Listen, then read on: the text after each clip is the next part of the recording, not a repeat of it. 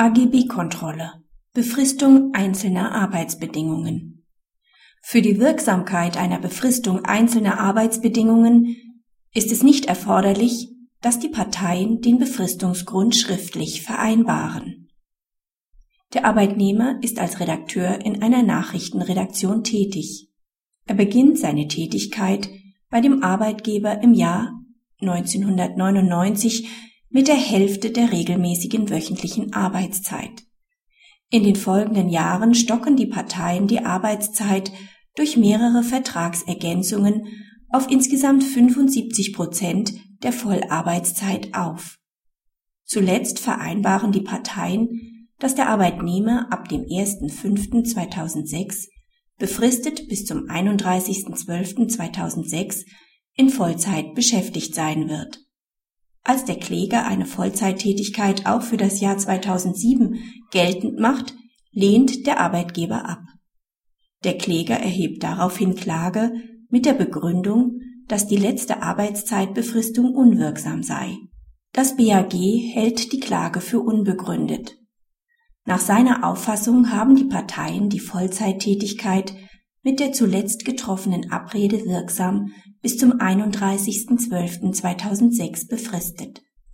Prüfungsmaßstab für die Wirksamkeit der Befristung einzelner Vertragsbedingungen in formularmäßigen Arbeitsverträgen ist Paragraph 307 BGB.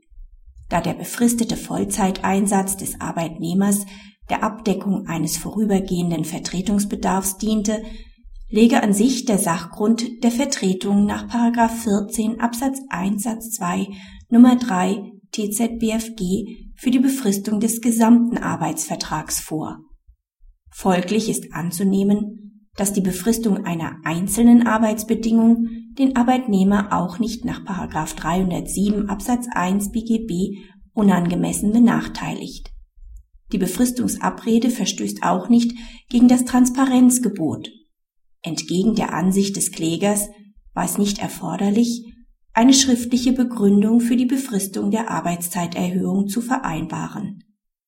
Die von der Rechtsprechung entwickelten Grundsätze zur Zulässigkeit von formularmäßigen Widerrufsvorbehalten lassen sich insoweit nicht auf die Kontrolle der Befristung einzelner Arbeitsbedingungen übertragen. Bei Widerrufsvorbehalten gibt erst die Auflistung der möglichen Gründe dem Arbeitnehmer Aufschluss darüber, unter welchen Voraussetzungen er mit einem möglichen Widerruf der Leistung zu rechnen hat. Bei einer kalendermäßigen Befristung besteht für den Arbeitnehmer keine vergleichbare Ungewissheit. Praxishinweis.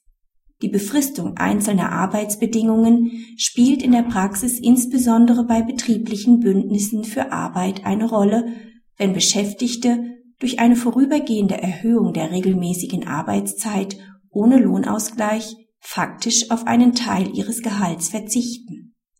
Mit der vorliegenden Entscheidung senkt das BAG die formalen Hürden für derartige Vereinbarungen. Gleichzeitig stellt das Gericht klar, dass Maßstab für die Beurteilung der materiellen Wirksamkeit der Befristung ausschließlich die Regelung des Paragraphen 307 BGB ist. Im Wege eines Erstrechtsschlusses lassen sich die Wertungen des Paragraphen 14 Absatz 1 TZBFG jedoch auf die erforderliche Verhältnismäßigkeitsprüfung übertragen